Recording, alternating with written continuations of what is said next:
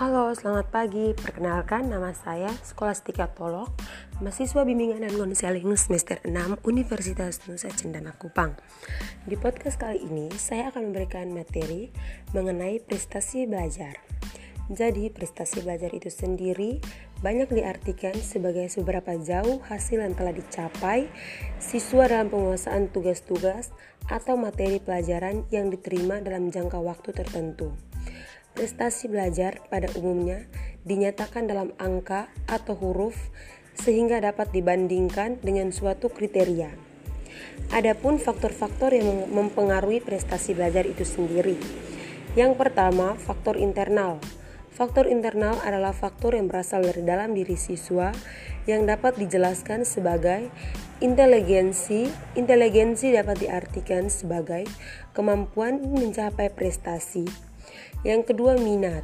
Minat adalah kecenderungan, kecenderungan yang mantap dalam diri seseorang untuk merasa tertarik terhadap sesuatu tertentu. Keadaan psikis dan fisik. Keadaan fisik berkaitan dengan keadaan pertumbuhan, kesehatan, kesehatan jasmani, alat-alat indera dan sebagainya. Keadaan psikis berhubungan dengan mental siswa. Faktor eksternal Faktor eksternal adalah faktor yang berasal dari luar peserta didik yang akan mempengaruhi prestasi belajar. Faktor pertama adalah faktor guru. Guru bertugas membimbing, melatih, mengolah, meneliti, mengembangkan, dan menyelenggarakan kegiatan belajar mengajar. Yang kedua, faktor lingkungan keluarga.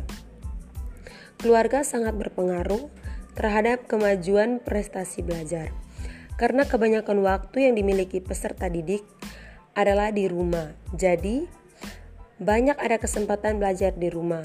Keterlibatan orang tua patut diperhitungkan dalam usaha memelihara motivasi belajar peserta didik.